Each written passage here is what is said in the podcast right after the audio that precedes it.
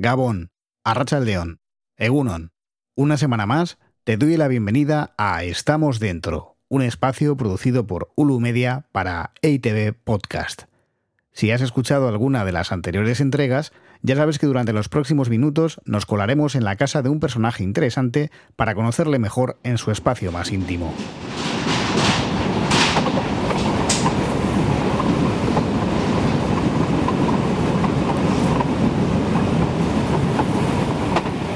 Este capítulo comienza a bordo de un tren que nuestra anfitriona conoce muy bien, el que une Donostia con Zumaya. Hace ya algunos años, mucho antes de convertirse en bailarina de renombre internacional, utilizó este mismo medio de transporte para ir y volver de sus clases de danza en la capital guipuzcoana.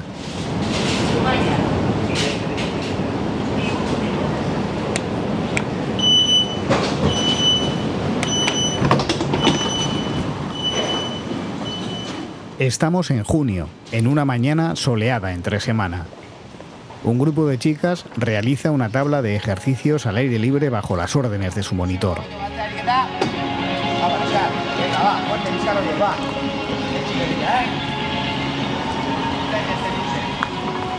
Cruzamos el puente sobre el río Narrondo y llegamos al bloque de viviendas donde reside durante parte del año la persona a la que vamos a entrevistar. Ahí va, esto diré aquí, ¿eh? Eh, no, perdona la torpeza, pero ahora sí. Gracias. Lleva pocos días en Zumaya, su pueblo natal, el lugar al que se escapa siempre que no está bailando en los más importantes escenarios del mundo. Hola, Kaixo, del mundo de Lucía. Adelante. Que no conseguí abrir. No, es que como no hace mucho ruido, no sabes Sí, no, no, no, no le- no le pillo el Es punto. discretito. Apa. Ondo? Ondo, ondo. Bai?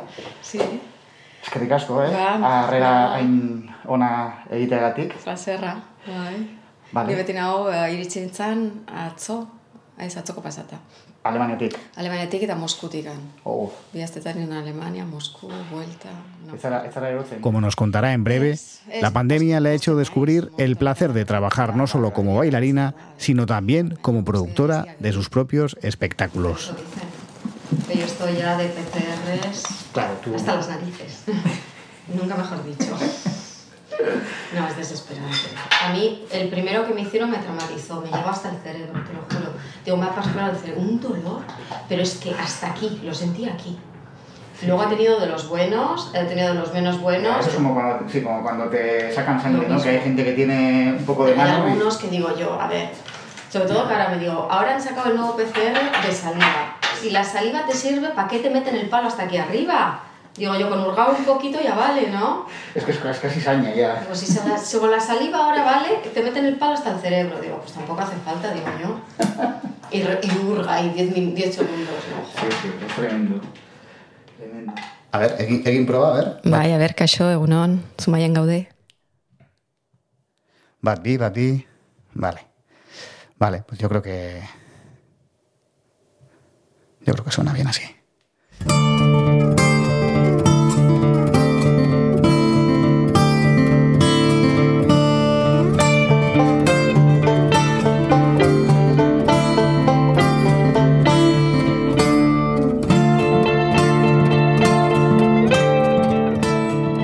Soy Juan G. Andrés y hoy, en Estamos Dentro, accedemos a la casa de Lucía Lacarra. Nunca me he sentido primera estrella. Yo me considero bailarina. Yo hago esto porque me, porque me gusta bailar, porque me gusta estar en el escenario. El resto no me hace falta ni las flores, ni, ni las joyas, ni que me inviten a cenas, todo eso no me gusta. Y por eso yo creo que también el, el ser de aquí y el estar muy cercana de, mi familia y el, el escaparme a, a Zumaya cada vez que podía me ha, me ha ayudado a, a ser yo, a seguir siendo yo. No, soy de pueblo, sigo siendo de pueblo.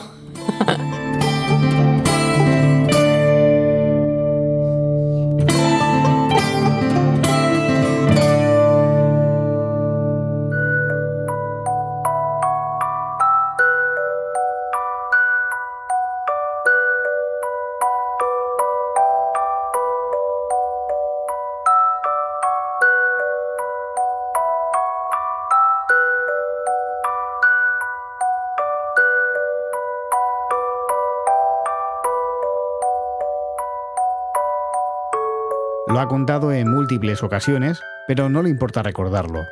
Tenía tan solo tres años cuando vivió su primer contacto con la danza, que se produjo a través del poder hipnótico que ejercía sobre ella la bailarina de un joyero del que brotaba esta conocida melodía. Y, es que en mi familia no hay nadie ni siquiera que supiera lo que, lo que es el ballet. Y cuando yo le pregunto yo misma a mi madre, me dice que simplemente ella lo que lo que se le ocurre es que ella tenía un joyero que le regaló mi padre cuando, cuando eran novios, el típico joyero antiguo que tiene la bailarina que gira con la música del lago de los cisnes. Y yo desde pequeñísima, o sea que era un bebé prácticamente, me podía pasar horas mirando, horas. se acababa, me ponía la música y seguía mirándolo.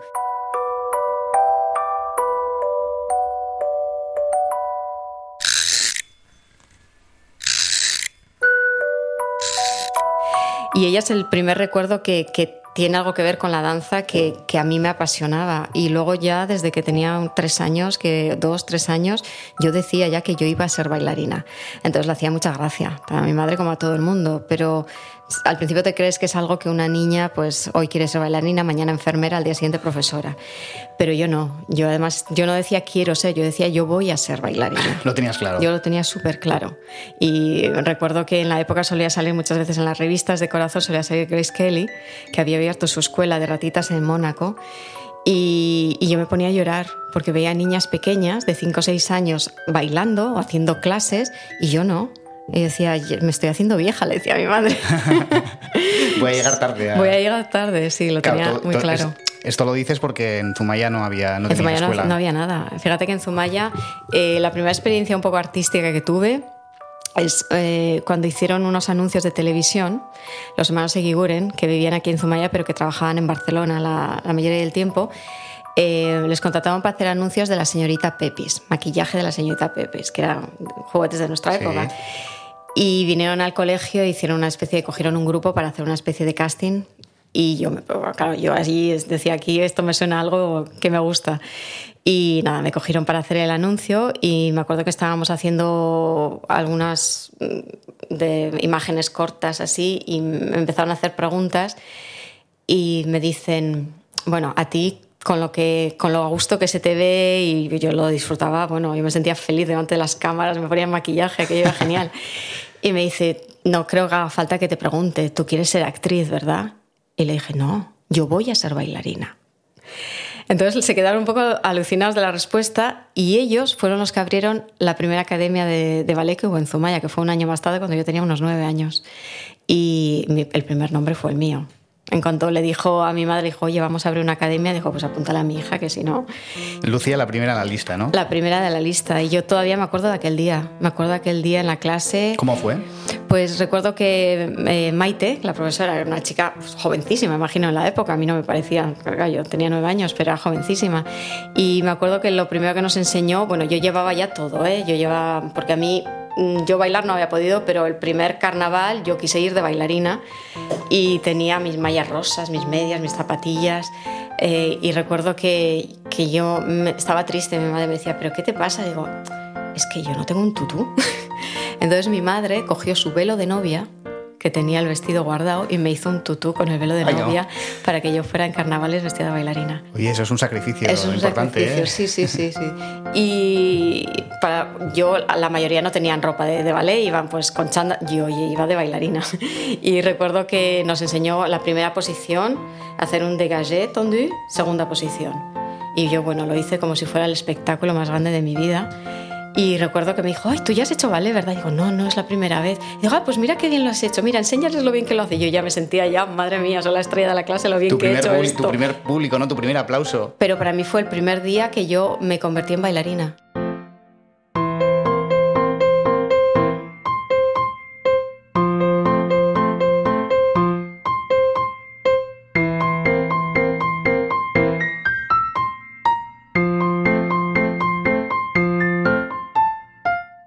Desde ese día yo ya era bailarina, yo ya estaba haciendo ballet, era lo único que quería hasta entonces y yo ya era feliz, o sea, feliz.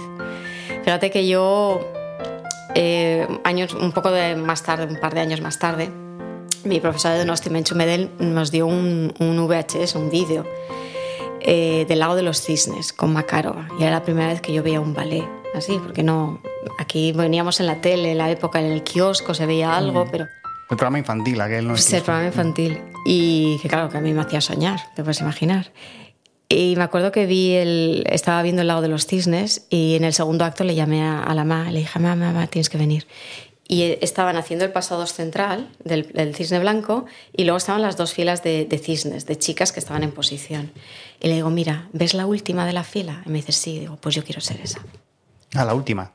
Sí, porque decía yo, de 20 la última, me parecía un sueño más posible, me parecía algo más realista. Y al menos estás dentro. Yo de Zumaya, de aquí, llegar hasta donde haya una compañía, donde hagan algo así, donde haya un teatro, yo lo que quería es pasar mi vida bailando. No me importaba ser la última de la fila mientras yo mi vida profesionalmente fuera a levantarme para ir a bailar. Hmm. No tener que ir a trabajar y luego bailar como hobby, ¿no? Es lo que decían, no, pues ya bailarás, pero tienes que ir a, a la universidad. No, no, yo quería bailar, punto nada más. ¿En casa no te pusieron esa condición de, bueno, vale, eh, puedes bailar, pero estudia algo? A ver, mi... la mamá en ese sentido fue increíble, la verdad, porque mi padre murió cuando yo tenía dos años en un accidente de coche, pero algo que siempre habían dicho que mi padre trabajaba en el BBVA, bueno, en el, en el Banco Vizcaya en la época, y lo único que tenían hablado es que, aunque fuéramos dos chicas, porque yo tengo una hermana dos años mayor, eh, que para lo que sirviéramos se nos ayudaría porque no era en la época, ellos venían de una educación donde si eres mujer, pues a coser, a casarte y a cocinar. Eh, que aunque fuéramos chicas, si servíamos para algo, si valíamos para estudiar, para lo que fuera, que nos ayudarían a fondo. Entonces mi madre tenía eso, tenía eso en mente. Y claro, al principio le parecía... Al principio a mi madre le daba sobre todo miedo porque me veía tan apasionada. Yo ya era bailarina, yo iba a hacer clases aquí en Zumaya, pero yo era bailarina. Y, y, todo el mundo le decía que, que, yo tenía calidad, que era esto. Pero me decía, claro, pero en Zumaya, ella miraba alrededor y decía, es que que sea la mejor de Zumaya no quiere decir gran cosa. Y cuando yo tenía, en el verano que yo tenía 11 años, le dijeron la profesora, los que abrieron la academia le, le, invitaron a la profesora a unos cursillos de danza en Tarragona para que ella misma pues, progresara y aprendiera más para enseñar, sí. que es muy buena idea, me parece. Y eran los cursillos de Rosella Hightower en, en Tarragona. Y le dijeron, la profesora habló con mi madre, le dijo, le deberías llevar a Lucía, porque para ella va a ser muy bueno y va a progresar y la van a ver. Y mi madre tenía sobre todo miedo de que me estaban motivando demasiado y que me iba a dar un batacazo luego, que yo me iba a dar cuenta de que, que yo bailar sí, que iba a poder seguir bailando en Zumaya todo lo que quería, pero que no era, el ballet no era seguramente eso lo que yo hacía en Zumaya.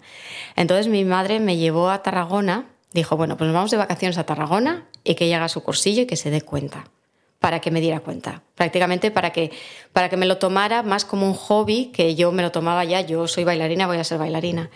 Entonces, pues nada, me fue, fuimos a Tarragona a hacer este cursillo y la sorpresa fue para ella, porque desde el primer día todos los profesores se volcaron en mí, eh, tienes una joya, eh, de cada generación nace una, es tu hija, le tienes que ayudar, dependerá de ti. Si ella, mi madre se cogió una depresión tremenda.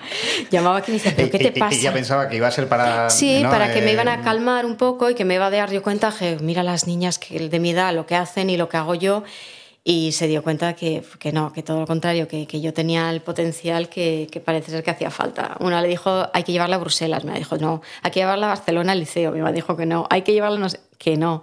Y había un profesor de los que tuve, un, un canario que se llamaba Gelu Barbu, que conocía a Menchu Medel, profesora de Donosti, porque había estado el verano anterior allí. Y le dijo, es muy buena profesora, he visto a sus alumnos, vienen muy preparados, está en San Sebastián, le tienes cerca. Y a mi madre eso le pareció como, bueno. No se me va tan lejos. Bueno. Y, y, recuerdo que, mi madre estaba muy angustiada. Mi madre llamó por teléfono a Menchu y, y le dice, habló con, creo que con la madre de Menchu, esto es súper gracioso. Y le dijo, sí, estoy un poco preocupada, me han dicho que mi hija tiene mucho talento y que tiene tal y que tiene, me gustaría que Menchu le viera, igual puedo llevar un par de veces a la semana a Donosti y tal. Y recuerdo que Menchu nos contó luego que su madre le dice, eh, ha llamado, creo que la madre de la futura Pavlova, se cree que tiene la futura Pavlova en su casa. Porque le venía mi madre angustiada y se creía que era porque quería, pero mi madre no quería, todo lo contrario. Y, y pues así como llegué a, a Donostia, donde me iba dos días a la semana, no podía, desde Zumaya, tenía que salir antes del colegio para coger el tren, me mareaba la ida, me mareaba la vuelta, era fantástico. Y aún así yo iba feliz, iba feliz. Y estuve dos años donde Menchu y, y luego eh, me tuve que, hecho le dijo a mi madre que me tenía que preparar para una beca porque tenía que ya irme, que tenía, necesitaba más de lo que ella podía, dar. Y pues me presenté con, con 14 años, cuando terminé octavo de GB, me presenté a las becas de la Diputación de Guipúzcoa y del Gobierno Vasco, gané las dos, elegí una y me fui a Madrid. Entonces, mi madre en el último año, que es en el último año me tuve que quedar donde en Madrid, en, Madrid en Donosti, porque para presentarme para la beca tenía que ir todos los días a clase, de lunes a jueves, y de Zumaya no podía. Entonces me quedé en casa de una señora que, acogía estudiantes, justo al lado de la academia, y durante un año fui al Colegio Mariana en Biota de Gros, y iba a hacer todos los días clase de lunes a jueves y el viernes me venía después del cole a Zumaya y el domingo me volvía a ir a Donosti. Y mi madre me dijo, yo confío en ti, pero si bajas en las notas, se acabó el ballet. Eso me dijo desde hace mucho mm, tiempo. Pero como saqué un 10 sobre 10 sobre todas, no le, pues no darles ninguna excusa por si acaso. Y porque no me, no me costaba, la verdad, los estudios no me costaban nada. Para mi madre yo sé que fue duro, porque recuerdo que en el Varia de Biocha tuvimos una reunión con la tutora y tal, porque para dirigirte para los estudios, qué querías hacer y qué no querías hacer. Y le dijeron a mi madre que tenía la inteligencia para hacer dos carreras simultáneamente. Y le dijo también algo súper gracioso, le dijo que, que tenía, tenía la capacidad tanto de letras como de números, le dije, es que yo le veo, es que podría ser la primera lendakari mujer del País Vasco. y me dice, ¿tú qué quieres hacer? Digo, yo dejo de estudiar. Me dice, ¿cómo? Digo, yo voy a ser bailarina, yo me voy a Madrid, voy a bailar. desde la mañana hasta la noche. Y no quiero hacer otra cosa. Pero es que, digo, y me dice, yo le doy un año. Le doy un año y a ver qué pasa. Un año no pasa nada por un año. Y nada, después de estuve un año en la escuela de Victoria, al año siguiente empecé ya a bailar en la compañía. Así que yo yo, yo sabía lo que quería y, y es, da mucho miedo para una madre, da, da mucho miedo. Pero bueno, yo al mismo tiempo con 16 años empecé a ganar mi sueldo eh, y empecé a mantenerme yo misma. me alquilé ya un piso en Madrid con 17. Em, yo lo que de eso lo que he aprendido es que cuando uno hace lo que le gusta, todo el mundo tiene talento para algo y cuando uno encuentra para lo que sirve y hace lo que le gusta, eh, la inteligencia se utiliza de otra manera.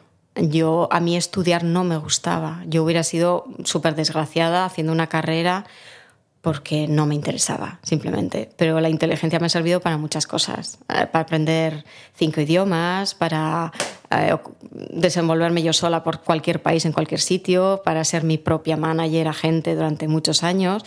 Soy productora ahora, tengo una compañía de producción, creamos nuestros propios espectáculos, hago los contratos, me ocupo de todo y, creo que, que, en la vida es súper importante saber lo que uno quiere, lo que, lo que yo querría para mi hija, sinceramente. Yo no sería ni la que le empuja ni de un lado ni del otro, pero es descubrir, descubrir lo que te gusta porque nunca vas a trabajar más y mejor y más a gusto que en algo que, que te gusta de verdad.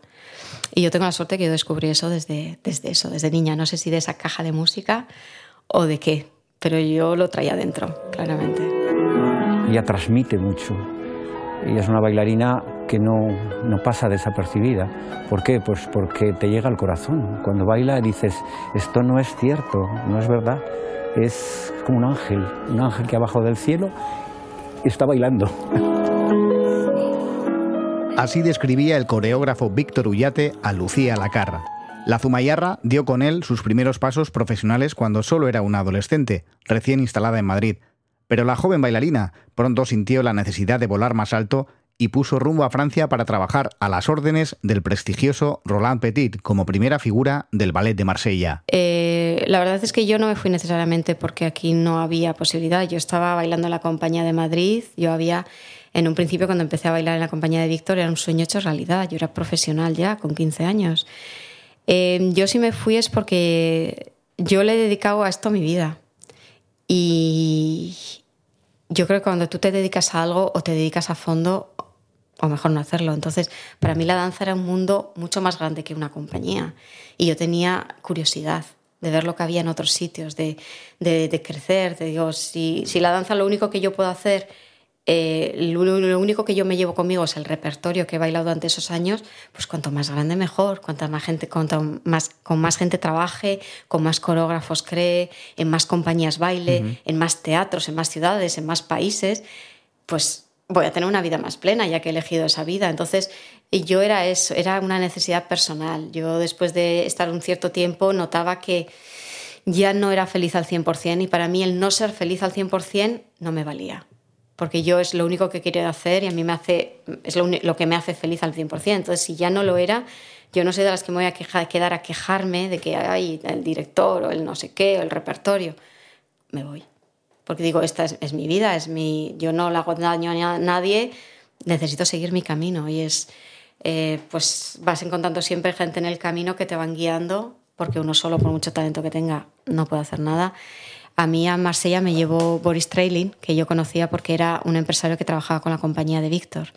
Y cuando yo dejé la compañía y se dio cuenta, me dijo él, Roland Petit necesita una musa porque se le va la musa. Y él es el que me llevó a hacer la, audición con Roland, que me cogió en el momento. Lo que para mí fue un descubrimiento enorme del mundo dramático, de todos estos roles que yo no conocía. Madrid no tenía opción de eso. Luego me fui a San Francisco porque Roland me dio la oportunidad eh, de, como invitada, ir a la Escala de Milán a hacer el Lago de los Cisnes con 21 años. Y aquello fue brutal, porque es mm, uno de los clásicos más difíciles que hay. Y me di cuenta que aquello era duro, mucho trabajo. Y dije, o hago, hago, o, hago esto ahora o no lo haré nunca, porque me encanta lo del drama, me encantan los ballets de, de, de personaje y esto era técnica pura, clásica, dura. Eh, y dije, o esto lo haces ahora o no lo harás. Dices por, por, por, eh, una cuestión física. No, por una cuestión de, de, de, técnica, del repertorio clásico es, es, muy... O sea, te pide muchísimo, muchísimo. Es, tiene que ser la perfección, el trabajo, la pureza clásica. No tienes mucha libertad, como en un ballet dramático, donde puedes interpretar a tu manera, donde puedes adaptar el paso siquiera con coreografías de coreógrafo o neoclásicas. En el clásico tiene que ser, em, o sea, de libro. Y eso es mucho trabajo y eso si quieres hacerlo bien, te tienes que dedicar a fondo y dije, o es ahora o nunca. Y ahí es cuando decidí irme a San Francisco, donde no me conocía nadie, y empezar a cero y poder hacer todos esos ballets clásicos. Hice El Lago, hice Giselle, hice La Bella Durmiente. Eh, y, y me fui sobre todo para aprender, para aprender también otro, otra forma de, trabajar diferente, una filosofía de trabajo diferente, mucho más competitiva, menos artística. No me gustó en ese sentido, pero en cinco años aprendí muchísimo. Hice, trabajé en un montón de roles y de, estilos que, que no había tenido la oportunidad. Y yo siempre ha sido como una sucesión, ha sido como un camino en el que si uno está abierto y uno está trabajando y está preparado, ve los elementos aparecer. Thank you.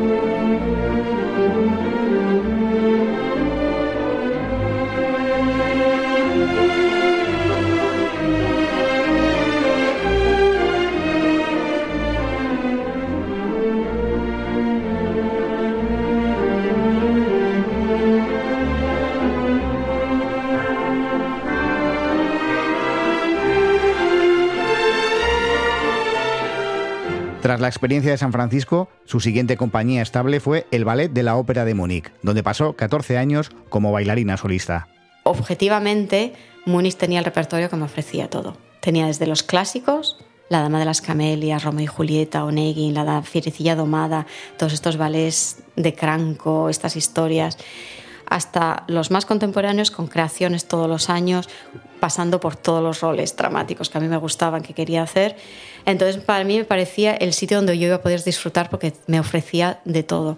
Aparte de que está en el centro de Europa, tiene un aeropuerto fantástico, donde tienes vuelos directos a todos los lados y que con Iván conseguí tener un entendimiento maravilloso en el sentido de que me costó unos años que, me, que, que confiara al 100% en el sentido de que todos los directores tienen un poco miedo, son un poco posesivos, piensan que si te vas a bailar a otra compañía o te vas a hacer una gala, te van a ofrecer un contrato y te vas a ir.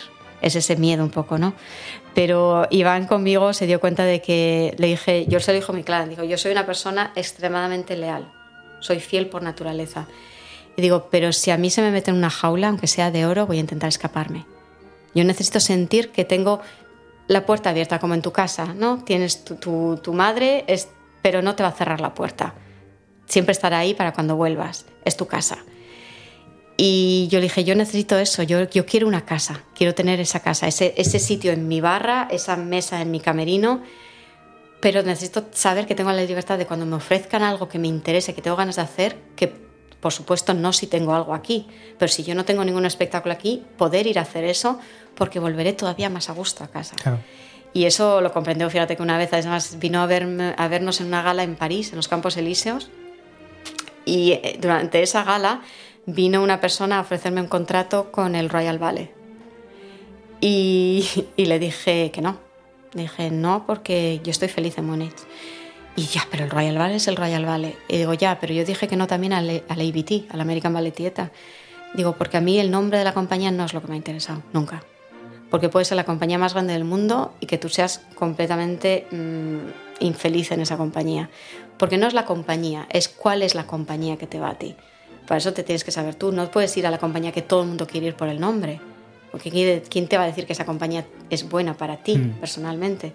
Y digo, yo, yo he seguido siempre mi camino buscando por lo que a mí me interesaba, por el repertorio, para aprender, para crecer, no porque ah, estoy en la compañía que tiene más nombre. A mí no, eso no me ha importado. Y se lo dije a Iván, le digo, mira, me acaban de ofrecer el contrato con el Royal y se quedó así. Le digo, pero le he dicho que no, que estoy feliz en Múnich, ¿para que voy a ir yo al Royal?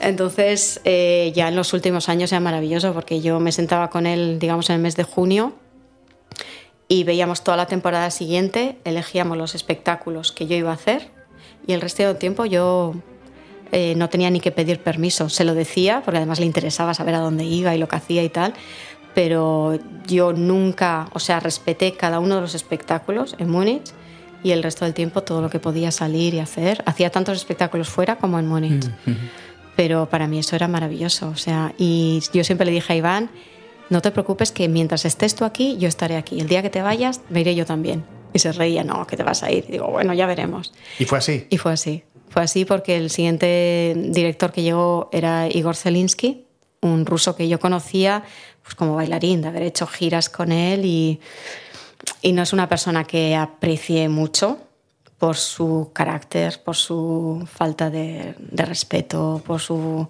No es una persona que yo consideraba hasta como colega, como bailarín, alguien con quien hicieran buenas migas para nada. Era un poco, un poco suyo, digamos, por no decir. Y él quería, por supuesto, que yo estuviera en la compañía, porque claro, se le iba la estrella de la compañía, eso no queda bien. Cuando tú llegas y vas a hacer todo lo que quieras, y vas a hacer esto, vas a hacer lo otro. Pero no, no, yo no, no, me veía. No me veía simplemente el tener que estar hablando con él en, en, un, en un despacho. Además, tenía cosas muy raras, se le iba la olla por completo a veces. Y me ofreció un contrato de por vida. Me dice, sigues bailando dos años y luego es parte de mi equipo. Y le digo, a ver, primeramente, Em, o sea, quería retirarte a los dos años. Él había tomado la decisión, te bailas todavía dos años y luego eres parte de mi equipo. Y digo, mira, yo bailando desde los 15 años, ¿vale? Y creo que si algo me merezco, después de todo este tiempo dedicándole a esto, es decidir yo cuándo deje de bailar, no tú. Y segundo, eh, yo no te he dicho nunca que yo quiero ser parte de tu equipo. Ese día me fui a casa y mandé la, la letra de, o sea, la carta al intendente, ni siquiera a él, diciendo que muchas gracias, pero que me iba.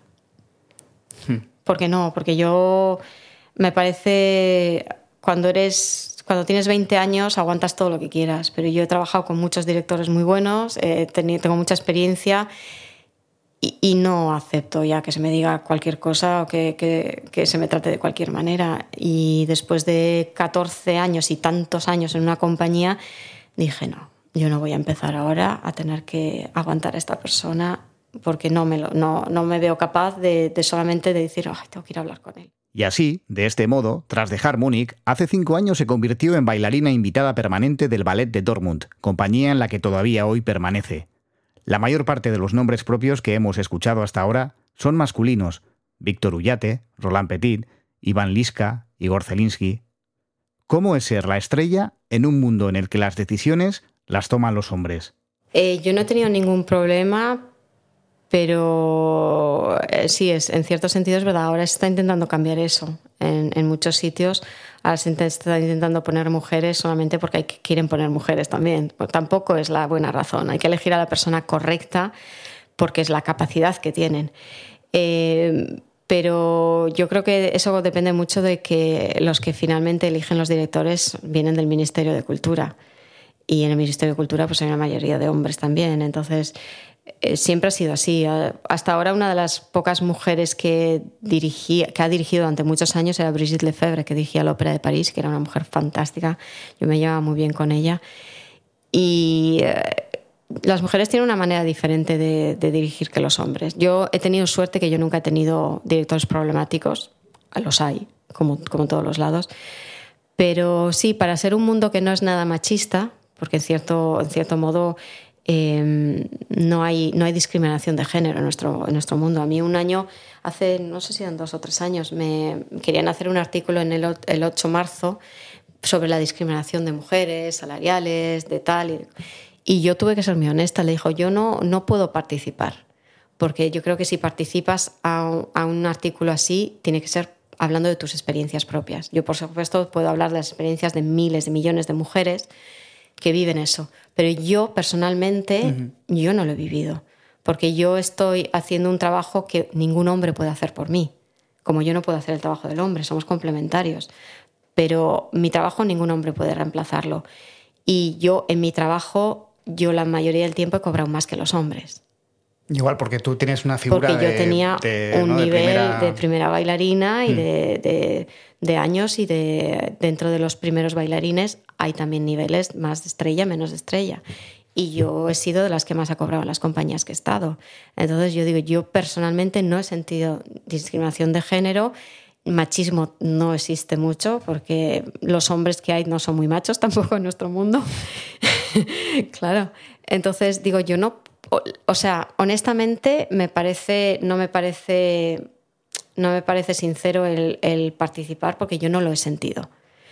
Pero sí es verdad que es una mayoría de hombres, pero yo nunca he tenido un problema, la verdad. No sé que hay gente que sí que ha tenido problemas, pero yo nunca, nunca he tenido problemas en ningún sentido. A mí yo siempre he sentido respeto por todos los, directores que he tenido, nunca he tenido problemas con ninguno, he sido siempre muy honesta, diciendo lo que me gustaba, lo que no me gustaba.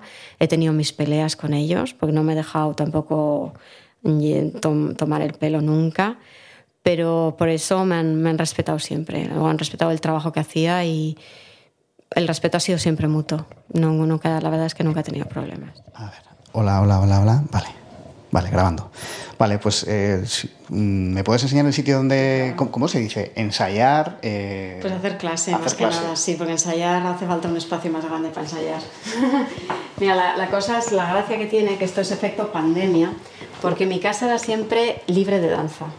O sea, yo a casa venía para todo, pero menos para bailar. Nunca, nunca yo he hecho clase en casa, nunca he hecho nada. Cuando empezó la pandemia, claro, eso cambiaba. Yo solía ir al polideportivo a hacer clase, me daban una sala allí. Y empecé, digo, tengo que hacer clase. Empecé en la cocina. Después de darle unas cuantas patadas a los muebles. No tenías mucho espacio en la cocina. No había, pero necesitaba agarrarme a algún sitio. Esto era muy bajo. Empecé a hacer la barra en el balcón cuando hacía ah, bueno. Con la barandilla. Pero me destrozaba las zapatillas con el suelo. Y dije, no puede ser. Y cuando vi que esto iba para lejos, dije, no hay otra, me tuve que comprar la barra. Pues esa es la barra. Sí, ajá. Y esto es el linóleo pues es el tapiz que se utiliza, que mm. está en los escenarios, que cubre la madera, y es un tapiz donde se puede trabajar con puntas porque no resbala. y pues protege las, zapatillas, el suelo y que no te hagas daño y que no te resbales sobre todo. Claro, o sea, tú aquí retiras la, alfombra, retiras la, mesa, retiro la alfombra, te queda aquí la barra y me hago la barra todos los días. Ah, mira. Es así, pero finalmente no me hace falta más porque a mí lo que me hace falta es mi cuerpo, es el instrumento de trabajo. Mientras tenga un sitio donde me puedo agarrar y no tenga el espacio, no le dé patadas a nada, me pongo mis puntas y, me hago aquí la barra. Sí, mis ejercicios, los estiramientos. Eh, ¿Cuánto dura una clase así de normal cuando tienes tiempo para dedicarle? Yo generalmente suelo estar un par de horas todas las mañanas entre que hago estiramientos, ejercicios abdominales, luego me hago la barra, luego hago algunas cosas, pruebo las puntas, puedo hacer algunas cosas en puntas. Sí, sí, sí. Todos los días. Y finalmente, quizás para otra persona no sería suficiente, pero para mi cuerpo sí es suficiente porque tengo un cuerpo que es muy agradecido. Y O con sea, no, hacer eso... no necesitas tampoco meter no tantas neces- horas y ya no, supongo que con sí, las... con, es- con hacer eso todos los días voy, luego dentro de dos semanas me voy de gira y puedo actuar sin ningún problema. Y los premios y todas estas cosas que, que te han dado durante toda la vida, ¿dónde los tienes? Eh, tengo algunos aquí. Ese es el bailarín- la bailarina de la década. Y este es el Esto es, esto es en, en Rusia, Sí, eso, es en el Kremlin. en el Kremlin. Y este es el Dance Open de San Petersburgo, que tengo otros dos. Mi madre tiene uno y otro se rompió. Esta soy yo, una escultura que hizo uno de, de aquí, de, de Zumaya, no, del País Vasco, no sé. Y los otros los tengo en el Benoit de la Dance y el Nijinsky los tengo en Madrid. El Benoit de la danza es eh, como el Oscar, el Oscar ¿no? de la danza. Sí, pero ese es tremendo así. Y ese está en Madrid y el Nijinsky que me dieron en, el que me dio el príncipe de Mónaco. Hombre, eh, Sí, Al- Alberto, Alberto de. Mónaco, hace unos una- años. Una foto, oye, salís muy bien, ¿eh? Sí, esta, esta foto la hizo Carla Gerfel. Ah, mira. Sí, que tenía, que tenía ambiciones de fotógrafo. Pues esta la hizo Monte Carlo, sí, cuando me dieron el premio. Este también está en, este también está en Madrid. Ajá. Reparto, algunos allí, algunos. Este, Bueno. este es. Este, este me dio el. Este es el Sabino Arana. Ajá. Y todos esos premios comparten espacio con, bueno, pues con la casita de Peppa Pig, con ¿no? la cabeza de Peppa Pig, con toda la. to- to- to- Con instrumentos de música para críos y tal. Sí, las, para pintar, para. Oye, ¿y la, la, la, eh, la caja de música o el joyero aquel de la MA, ¿lo, lo tienes aquí? No, eso lo tiene mi madre. Ah. Lo tiene mi madre, pero sí, lo tiene todavía. No, sé, ni- no creo que funciona, ¿eh? pero lo tiene. Fíjate que además en ese, en ese joyero tenía, tenía un doble fondo y encontré mis dientes cuando era pequeña. Qué inquietante. Sí, bueno, Hay, hay madres que se, antes se ponían los dientes de los hijos en collares Pues y tal, sí, ¿no? Que pues un poco- sí, imagínate. No, pues sí, esto, el resto de la casa no. Bueno, aparte de- tengo la habitación desastre, que es la habitación de las maletas. Tengo la habitación de la mía, la habitación de mi hija y la habitación de las maletas, con el vestuario y con todas la- las historias, la mesa, donde estoy yo trabajando ahí. Si no estoy aquí en la barra, estoy allí en la mesa. Mira, esta, esta- esta es la habitación de las maletas. Esta es la habitación de la maleta. Esta Con, es la con un ropero. Esta es la maleta que viene de viaje, se limpia, se vuelve a meter y ya está preparada para salir de viaje. Las fotos están. Mira. O sea, que, o sea lo, lo de las fotos es verdad, no es Ay, una... yo no digo nunca mentiras, no, no, no digo nunca nada para quedar bien. Soy incapaz. Y cuando veas cómo, la- cómo están, y eso que están plastificadas, ¿eh? Sí, se ve que tienen horas de, Sí. y kilómetros. Y esta, Qué bonita. esta me la me encontró mi madre y me la plastificó, pero esta, estas son las originales. Ah, vale. Mal, madre mía, esta, Pero está estas- totalmente estas ya- destrozada ya. sí. Esta yo tenía 15 años cuando salí con estas fotos. Estas Vale, son las vale, originales Que, que llevé con 15 años, que he tenido que... Bueno, estas O fueron sea, unos eh, cuantos eh, años más tarde. qué- es cada foto y quién... Pues esta es, estos son mis padres, de novios todavía, Mm. en alguna de las bodas, tenían una boda cada fin de semana, yo creo, en la época. y esta es la Virgen de Rito Quieta, que esta me dio mi madre pues cuando me fui a Madrid para que me protegiera. Y cuando yo tuve el primer espectáculo, que fue en Cádiz, cuando eso tenía 15, 15 años para hacer 16 o acababa de hacer 16, eh, como no, Cádiz estaba muy lejos y era durante la semana y todo el mundo trabajaba y nadie podía venir, pues me llevé las fotos y puse las fotos en el camerino y se convirtió como en... Es, es lo que hace el camerino mi casa en cada sitio donde voy. Claro. Es la- las fotos y luego algún... Te hace, te hace tener Zumaya más cerca, ¿no? Sí. Hasta que vuelvas. Sí, algún muñeco, algún muñeco que me han regalado. eh, algún muñeco que me han regalado, hasta mi hija que me regaló uno, que me llevo. Esto Esto no, no lo haces por superstición, ¿no? no, eres, No. eres- ¿Tienes algún tipo de...? no son supersticiones, es como para llevar gente, el cariño de gente de verdad. Porque en mi mundo es difícil encontrar querida gente verdad.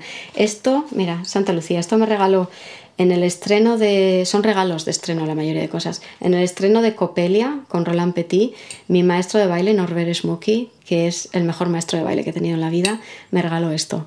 Santa Lucía. Santa Lucía. un, Sí. un medall- no sé cómo se Era llama, un medallón o... En Barcelona. Y esto me lo regaló mi hija porque como oye siempre a mi madre decir mucha mierda, Esto me ha regalado mi hija. Un, Un emoji de estos. Sí, un, que es un peluchillo pequeño, eh, bueno, con forma de, de caca, De caca. Mucha mierda. Mucha mierda. Pues mi hija me regaló esto. Le salió, bueno. le salió en algún sitio y dijo, esto para la macho. Qué Como bueno. le hice mucha mierda, pues yo le regalo una.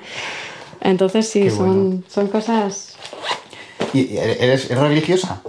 Eh, a ver, yo soy, soy, soy, soy católica, soy, estoy bauti- bautizada, soy creyente, pero no ni practico ni me considero muy católica, honestamente. No voy a la iglesia y hay muchas cosas del catolicismo que no me, que no me convencen, que no me convencen para nada. Eh, a mí, sinceramente, si uno tiene creer, que creer que hay algo más, a mí no me hace falta ir a un, a un, a un templo, a una iglesia eh, y hacer un ritual para creer. Yo soy creyente en una forma más espiritual, más espiritual, más de, de energía, más de... Ya. Creo mucho y en, en- en muchas cosas, pero no me limito a ciertas enseñanzas, ni rituales, ni, ni cosas que hay que hacer porque no sabes por qué, porque te han dicho que hay que hacer. Yo me planteo más las cosas, ¿no? Soy de las que piensa, las que me tienes que dar un poco de... Y cuando veo ciertas cosas que no me van, digo, a ver, no, no. Muy bien. Eh, quería que mm, si se te ocurre alguna canción que pudieras dedicarnos. ¿Yo cantar? No, Ah. no, no, no, no.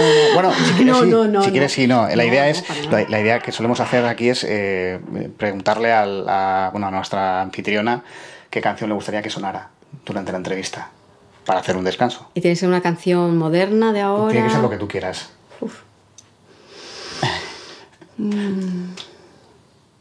La pregunta más difícil de la entrevista, ¿eh? Sí, porque yo es que músicas tengo, fíjate cuántas músicas tengo yo importantes en mi, en mi cabeza. Una que deberías meter, que es finalmente uno de los primeros espectáculos que hice, que era en, en Donosti, que era, bueno, había hecho, en Zumaya también había hecho, pero en Donosti era uno como que tenía ya como un, un rol y tenía un partener, Gusti Aramburu, que es de allí, y eh, tenía 11 años cuando hicimos este final de curso y era con la música del canon de Pachebel. Y esa se ha quedado siempre una música que se me ha ido apareciendo por muchos sitios. Y esa, esa sí, esa, la primera suele ser siempre la más, la que recuerdas con mucho cariño. Perfecto, pues vamos a escuchar el canon de Pachelbel. Vale.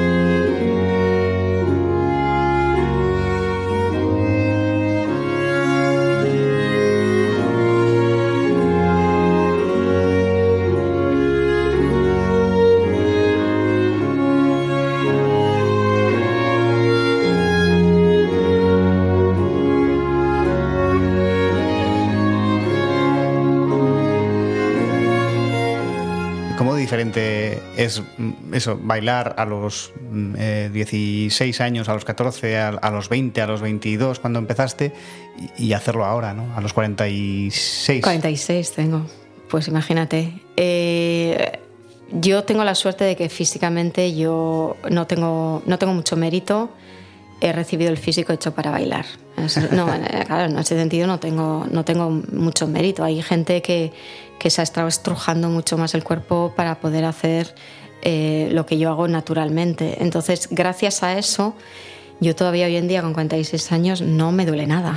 Quiero decir, lo que la gente sufre mucho con esta, con esta profesión y a partir de cierta edad eh, ya empiezan que no, que no les merece la pena el sufrimiento. Yo he tenido, en todos estos años, he tenido dos lesiones de las que me recuperé por completo, sin, ningún, sin ninguna secuela, sin ningún problema. Y una fue seria, fue en los ligamentos cruzados, lo que no es una de las peores, pero hoy en día ni recuerdo qué, qué rodilla era prácticamente. Y, y la verdad es que en ese sentido mm, mm, toco madera porque no me puedo quejar porque no me siento diferente. Cuando hago ahora una clase eh, o, o voy al escenario a bailar, no me siento diferente que cuando tenía 25 años. ¿Físicamente no notas ninguna diferencia? Físicamente no. Físicamente no noto. Noto, eh, hay cosas en las que estoy más segura, en las que tengo un mejor trabajo ahora, porque como sigo haciendo ese trabajo para mantener ese nivel, tengo un mejor trabajo de pies ahora que cuando tenía 20 años, mucho mejor, por ejemplo. Eh, y en otras cosas artísticamente tengo un peso ahora que no tenía entonces. Tengo una, una seguridad, tengo una madurez. En la época, a mí Roland Petit, cuando yo llegué a la compañía con 18 años, me dijo que yo era demasiado joven para todos sus roles. Todos los ballets que él tenía eran para mujeres, creados para mujeres de 30 años. Y me dijo que era demasiado joven, pero que él sentía que yo tenía el instinto natural para saber cómo interpretar esos roles. Pero yo estaba eso, estaba, tenía ese instinto para imaginarme cómo interpretar esos roles. Pero luego me he convertido en los roles. Luego ya es como yo hoy en día cuando tengo que hacer un rol no, no me siento que tengo que interpretar nada. Soy capaz de meterme en la piel, soy capaz de plantearme, esta soy yo. Entonces eso es una... Eh, cuando eres más joven estás pensando, yo tuve que aprender a cómo andar según el rol, cada rol yo me lo tomaba muy en serio, entonces la gesticulación es diferente, la forma de andar es diferente, la forma de mirar es diferente. Ahora yo esas cosas es como tengo tanto equipaje, no me, no me crea ningún, ningún problema. Cualquier rol que me den, estoy deseando que me den roles los más... Tengo ganas de que me den los roles más difíciles o más alocados porque para mí es, es un reto súper excitante el, el el poder hacer algo así porque me siento, me siento muy cómoda con todo lo que sea interpretativo, no tengo ningún, ningún problema ni, y eso es una ventaja.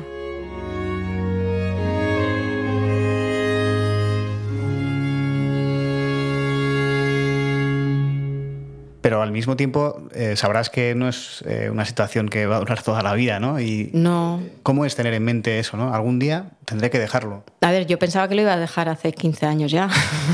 Te quiero decir que nunca me, nunca me he puesto una fecha. Em, por supuesto, todo, todo tiene, tiene una fecha. Eh, yo soy extremadamente crítica conmigo misma, más de lo que es nadie.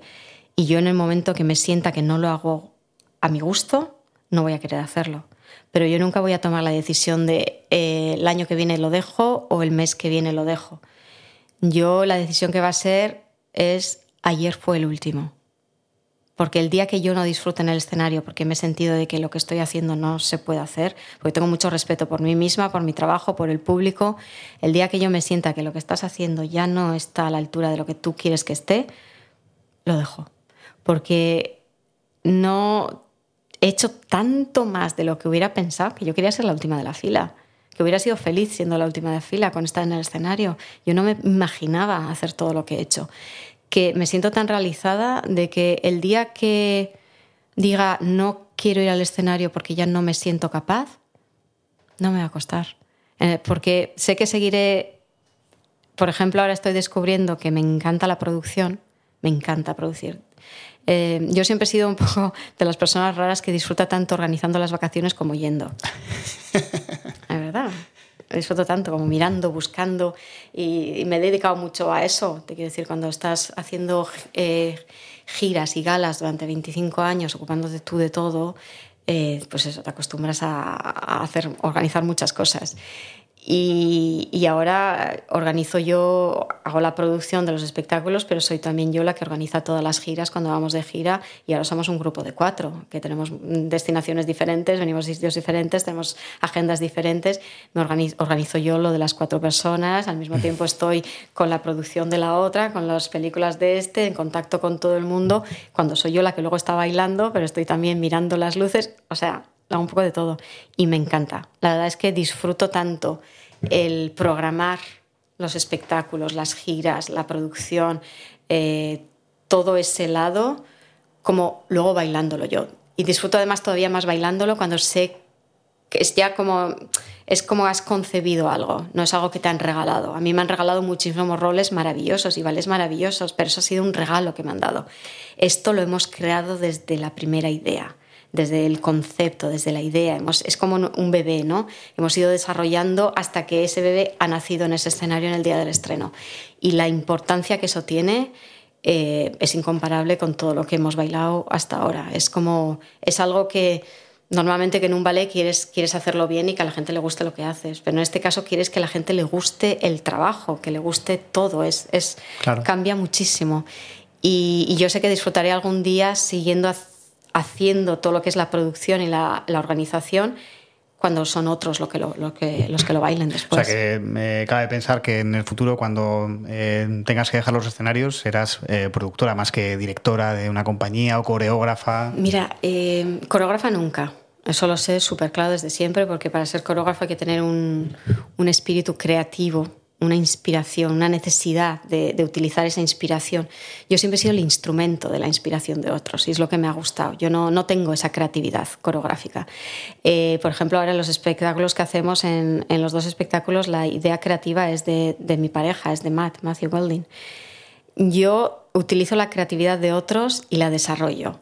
A mí cuando él está empezando ideas, yo soy la que, y si le ponemos esto, y soy siempre la que añado esto, añado lo otro, y, jo, pues esto, pero si pero necesito la creatividad de otra persona y luego sí, luego yo me meto y siempre aporto mis ideas y, encuentro las cosas y, o sea, le encuentro todo lo que haga falta. Para In, the Still of the Night nos hacía falta para grabar en Madrid encontrarle un, un coche de los años 60, conseguí encontrarle un Ford Mustang, para, o sea, Producción. producción total. Pero al mismo tiempo me encanta oír las ideas, que a una persona creativa, esas ideas que vienen y tal, y yo participo y ahí nos metemos y nos metemos en, en, en un berenjenal terrible de, de, historias que es genial. Y, y, eso sí, eso, eso me encanta, o sea, me gusta, me gusta muchísimo. Pero mm, directora, he tenido la oportunidad de hacerlo durante unos meses. Bueno, aquello terminó y porque yo vi el, eh, aquello no, no funcionaba. Y, si dices en, la compañía de Víctor Ullate. Sí, y yo lo, una vez que estás en la dirección y que ves cómo están las cosas por debajo y que tampoco me dejaban hacer mi trabajo de directora, dije yo para estar asumiendo las, las decisiones de otros como mías, no, no puedo hacerlo, porque no me parecen bien. Y me fui y luego, bueno, la compañía fue a pique, de todas formas pero lo que me he dado de cuenta me han, me han dicho muchas veces, para coger Múnich, para coger Berlín, para coger la compañía nacional. Eh, el trabajo de un director puede ser maravilloso si tienes la libertad de poder hacer tu visión de verdad, lo que tú quieres hacer para ayudar a esa compañía a crecer. Eh, primeramente, yo no lo haría nunca siendo bailarina todavía, porque es imposible porque tú no puedes concentrar, tú no puedes centrarte en otros, priorizar otros cuando tú tienes que bailar. Porque quieras que no, eh, tú cuando vas a hacer una clase, estás haciendo la clase para ti, no vas a estar mirando a qué bailarín está trabajando bien. Y eh, yo cuando estaba en Madrid tenía que bailar todos los espectáculos. Entonces cuando yo estoy ensayando el rol principal, ¿cómo voy a estar viendo o estoy bailando el rol principal? ¿Cómo estoy viendo lo que hace el resto de la compañía? Es imposible. Entonces eso es primordial para mí. Y además hay que dedicarle 24 horas al día y muchas veces estás en la imposibilidad de poder hacer algo. No tienes la posibilidad de, poder hacer algo. Estás intentando apagar fuegos todo el tiempo, intentando mm, apagar fuegos. Cuando en la producción estás creando cosas. Estás creando. A mí lo que me interesa es, es lo que pasa en un escenario y el poder participar positivamente para crear algo más que para controlar problemas, eh, hacer un repertorio, pero es, muy político. Y yo ahora en este momento eh, necesito ser dueña de lo que hago. Necesito tener la capacidad de elegir porque eh, me encanta el poder ser ama de, mi agenda sin tener que pedir permisos.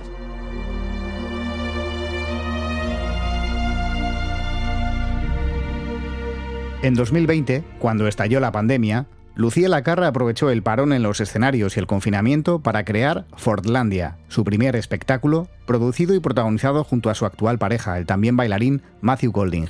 Ella estaba en Zumaya y él en Ámsterdam. Y nosotros lo que dijimos es, siempre queríamos hacer algo, dijimos, pues vamos a crear ahora, ahora es el momento, por teléfono. Fordlandia se creó por teléfono, en cuanto metía a la niña a la cama a las 10 de la noche, hablamos hasta las 2 de la mañana todos los días y la verdad es que cuando uno cree en lo que hace, y también yo creo que tengo, después de tantos años, tengo cierta, la gente respeta mi opinión o, mi trabajo.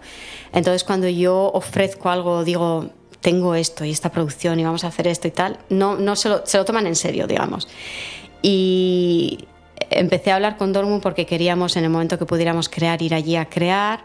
Dortmund estaba también con el problema de qué vamos a hacer para empezar la temporada. Se permitían solamente dos bailarines en el escenario, una hora como máximo, sin pausa, sin...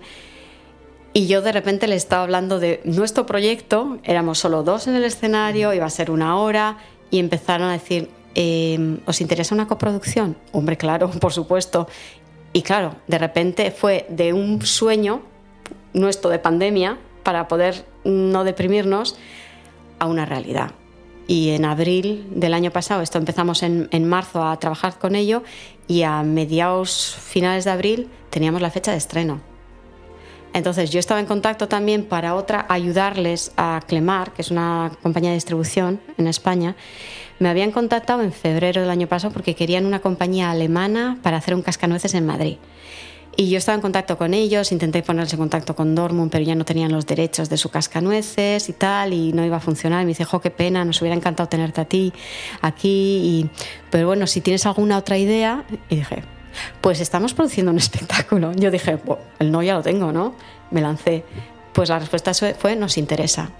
Y en el momento que yo le dije, tiene una fecha de estreno, ya para ellos ya no es, una, es un sueño, es una realidad. Claro, sí, sí. Pues para el mes de mayo teníamos ya como 13 espectáculos. Y mi madre me decía, pero esto es una locura. dice, si no tenéis nada hecho, Ya. digo, ya. Me dice, pero ¿cómo puedes? Mi madre estaba preocupada, pero ¿cómo puede ser? Pero- ven- estás, pero estás vendiendo humo. pero sí, me dice, pero ¿sabéis que no tenéis nada? Digo, hombre, que saben que no tenemos nada, pero si estamos confinados, ¿qué van a pensar que tenemos? Nada. Tenemos la idea que es muy buena y que creen que si yo les digo que va a estar muy bien, que va a estar muy bien. Mi madre estaba súper preocupada.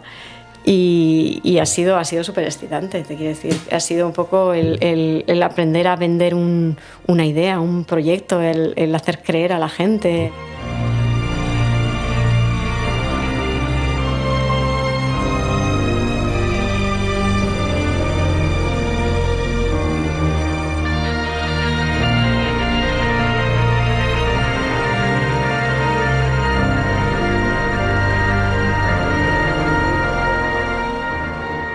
Si tu hija viene y te dice ahora que quiere ser bailarina, bueno, no sé si baila ella también. Mi hija, hace, mi hija hace hip hop, le toca los miércoles hip hop. Sí. No, le encanta bailar, le encanta cantar, eh, pero vale, no.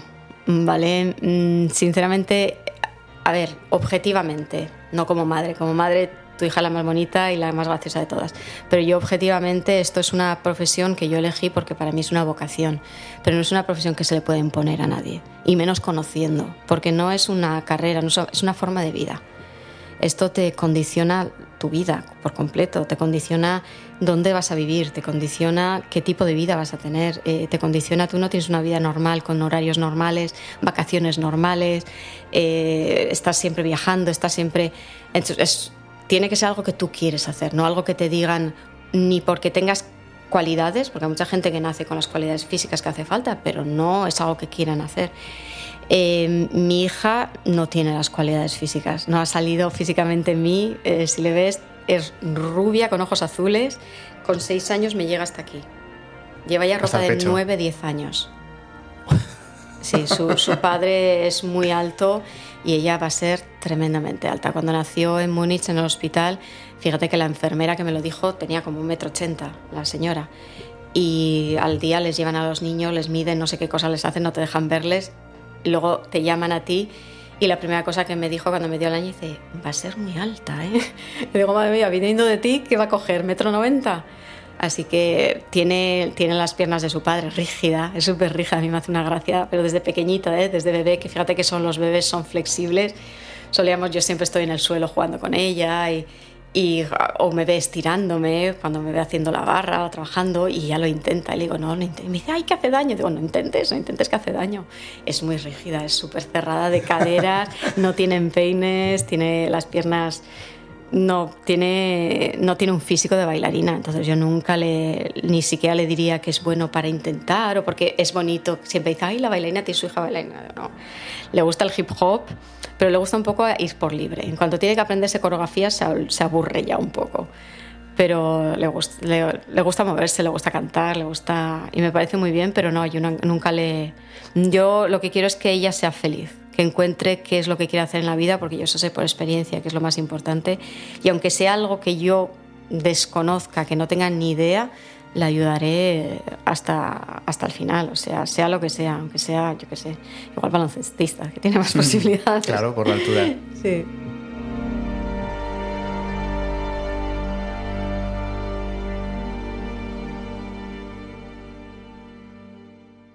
¿Cómo es eh, regresar a, Zumaya? Cada vez que vuelves aquí, ¿qué cosas haces o qué, es, lo que te gusta? Aparte de estar con tu hija, claro, pues, a, la, que no podrás ver con tanta asiduidad como quisieras por temas de trabajo. Sí, no, es duro, es duro y sobre todo ahora es más duro porque es más mayor. Cuando son más pequeñitos sufres tú mucho, pero los niños, mientras tengan a alguien que les cuide, están bien.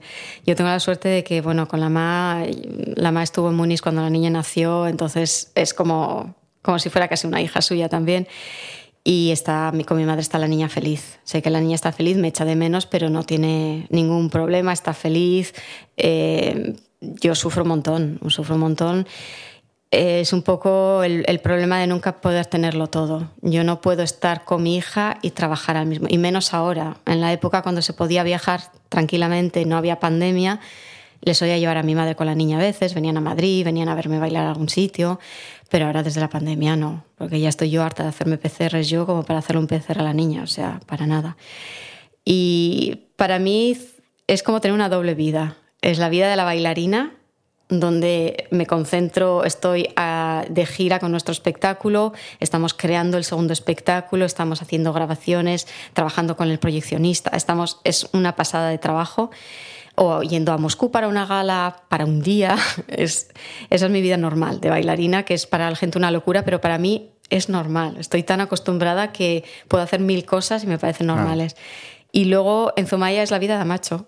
O sea, aquí, aparte de que cuando ella va al cole, yo me hago mi clase, me hago mi barra, el resto del día soy una madre normal. Me ocupo de eh, la merienda y, de llevarle a la música escola o a hip hop o a, a la piscina. Eh, la cena, es la vida normal. Y yo creo que a mí eso me ayuda muchísimo. Me ayuda porque me, ayuda a desconectar un poco y a, seguir siendo humana. Porque es algo que más veo yo en, la profesión, en, bailarines, es algo que se pierde mucho. Es la gente que se, mm, en vez de seres humanos se creen solamente bailarines. Y yo no, yo no, yo me considero bailarina, fíjate que es algo que he querido hacer desde siempre. Pero desde el momento que yo entro en un teatro, es que salgo, o entro en un estudio, o entro, empiezo a trabajar, hasta cuando hago aquí la clase, em, estoy dedicadísima, pero luego necesito desconectar. Porque para mí, para ser un artista, necesitas poder vivir una vida completa, para poder luego también tener esas emociones, tener algo que, algo que decir. Y, me ha ayudado a seguir siendo yo, Aquí estar en Zumaya yo soy yo, me conocen desde, desde cría y, y, saben que soy bailarina, me han visto bailar cada vez que he venido a Donostia o Bilbao, pero me ven más en el parque con la niña o en, buscándole en el cole o me ven más como, como yo, que soy, que estoy siempre con, con mi madre o con mi hermana sentadas en una terraza. Y, y a mí eso me gusta, porque nunca he tenido un ego de artista, ni he querido que se me viera como una bailarina, por eso siempre me he quedado más eh, un poco... no aparte, pero no, no, me gustan las fiestas, los, los cócteles, las recepciones. Cuando tengo que ir, voy, pero no me hagas nunca en un fotocall, por mucho que me ofrezcan ir a estrenos de esto, a inauguraciones de tal, porque para mí lo que me gusta de mi trabajo es bailar solamente. Hay muchas otras cosas que no me gustan nada de ese mundo, porque me parece que no es gente real en muchos sentidos, ¿no? que se, tiene unos egos desmesurados. Mm. Como digo yo siempre, eh, para mí mi trabajo es muy importante, pero no salvamos vidas. Que tampoco hay que tomárselo tan en serio como soy tan imprescindible en este mundo. No, yo me lo tomo súper en serio y, y para mí es una pasión pero, pero luego la vida es la vida y somos todos seres humanos y a mí no me gusta verme que me vean como la bailarina, sino como una persona normal. Y para eso Zumaya me ayuda muchísimo, porque esto es venir aquí y aquí la danza no existe. Aquí el ballet no existe. No existía entonces y no existe ahora. Habrá alguna academia que dé clases, pero no existe, como quien dice. Y a mí no hay nada aquí que me recuerde a mi trabajo para nada. Y me hace un bien enorme. Claro me hace ahora estoy aquí para dos semanas, luego me voy a Madrid para dos semanas, intento siempre en las dos semanas que vaya hacer un montón de cosas, entonces aprovecho que tengo que ir para una gala a Milán, pues me voy unos días antes a Madrid, tenemos que hacer creación, tenemos que hacer montaje de las películas que grabamos allí en abril, tenemos que trabajar con el, con el proyeccionista, luego nos vamos a la gala y me vuelvo. Entonces cada vez que voy a algún sitio intento agrupar las cosas que hay que hacer, hacerlas, porque de aquí no puedo hacer nada más que por teléfono Y luego vuelvo de Madrid, estoy aquí otros, otras dos semanas y ahí me voy, me voy de gira con Forlandia, con nuestro espectáculo de galas, de gira, me voy hasta México. La doble vida de La Lucía doble Lacarra. vida de Lucía Lacarra. Y con esa condición de, de- de primera estrella, ¿no? Eh, ¿Alguna vez eh, has tenido miedo de que se te fuera un poco la, la pinza, por decirlo vulgarmente, ¿no? Pues mira, eh, eh, no, porque nunca me he sentido primera estrella. Lo soy en contrato y en papel y la gente me, trata como ello, pero yo digo, estrella te hace la gente, no te haces tú. Es según cómo la gente te percibe, te ve o te considera. Yo me considero bailarina. Y yo cuando fui a hacer mi primera gala cuando tenía 20 años, a Spoleto, llegué yo sola. Iba a hacer el solo de Notre Dame de París, de Roland Petit. Me mandó él y era una gala de estas de seis horas. Estaban todas las estrellas. Estaba Carla Fracci, que acaba de morir. Estaban todas las estrellas de, de, de Estados Unidos, de Francia. Yo estaba en el camerino con Agnès Letestu de la Ópera de París. Estaba Susan Jaffe del American Ballet. Estaban, estaban todas las estrellas allí. Y yo llegué y me acuerdo que decía, ¿yo qué hago aquí? Digo, me van a ver ensayar y me van a mandar. Pues esto ya hay- me van a decir que ya es suficientemente largo y me van a decir no hay tiempo para una más. Y yo decía, madre mía, pero qué vergüenza. Hice el ensayo y estaban como súper contentos. Digo, bueno, parece que voy a hacer el espectáculo. Pero decía, yo me decía, y luego cuando vi la reacción de la gente, que empezó todo el mundo a volcarse sobre mí, no me conocía nadie, era la primera gala que hacía, todos los agentes, los managers que venían a hablarme, el de Malakoff, dándome su contacto, te vamos a contactar, te vamos a llamar para hacer galas, para hacer no sé qué. Yo me quedé alucinada porque yo pensaba sin- sinceramente que me iban a decir, ¿y esta de dónde han ido? O sea, está... Y yo esa sensación la he tenido muchísimas veces todavía ahora. Cuando yo voy a hacer una gala, estoy sentada, estoy viendo bailar a la gente y me parecen todos tan buenos que digo, madre mía, tengo que pasar yo después. Y luego cuando paso yo y veo la reacción del público, no es que me sorprenda ya, pero me hace todavía efecto. Me hace todavía efecto porque yo nunca me considero estrella, me considero bailarina. Yo hago esto porque me, porque me gusta bailar, porque me gusta estar en el escenario. El resto no me hace falta ni las flores, ni, ni las joyas, ni que me inviten a cenas, todo eso no me gusta. Después de un espectáculo, si tengo a mi familia y me puedo ir a cenar con ellos a un lado, prefiero un millón de veces que me haga una recepción o una cena de gala. Y, por eso yo creo que también el, ser de aquí y el tener, estar muy cercana de, mi familia y el- el- el escaparme a, a Zumaya cada vez que podía me ha, me ha ayudado a, a ser yo, a seguir siendo yo. No esté donde esté. Yo ahora voy a Moscú y, y vienen todas las niñas a pedirme autógrafos, a hacerse fotos conmigo. Eh, conozco a todas las. Éramos en Moscú, eran todas las estrellas rusas y nosotros, los únicos que no éramos rusos y les conozco a todos y, y- pero yo aparte de la felicidad de estar allí bailando el resto no nunca le he dado importancia nunca he dado Te sobra. sí no me hace falta no me hace falta. A mí lo que me hace feliz es bailar es estar en el escenario. Es es es esa es lo que siento yo cuando bailo. El resto no la verdad no soy de pueblo. Sigo siendo de pueblo. Muy bien, eh, Lucía, pues eh, ha sido un placer eh, tener esta charla contigo, que sigamos muchos años viéndote encima del escenario y detrás también, Sí. con esas producciones ¿no? que, que has empezado a hacer ahora y que, bueno, te Sí. auguran eh, un, un gran futuro también.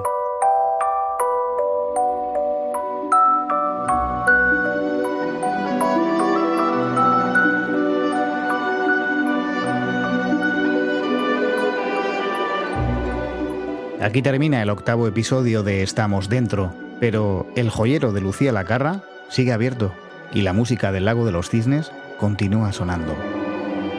Recuerda que este espacio ofrece una nueva entrega todos los viernes, el mismo día en que se renueva nuestro podcast siamés, Barruan Gaude, conducido en euskera por mi compañero y amigo Oyer Aranzábal. Si te ha gustado o al menos interesado esto que has escuchado, suscríbete en ITV Podcast o en tu plataforma favorita y siéntete libre de dejar tus comentarios en nuestras redes sociales. La próxima semana volvemos con más personajes interesantes. Hasta entonces, cuídate mucho. うん。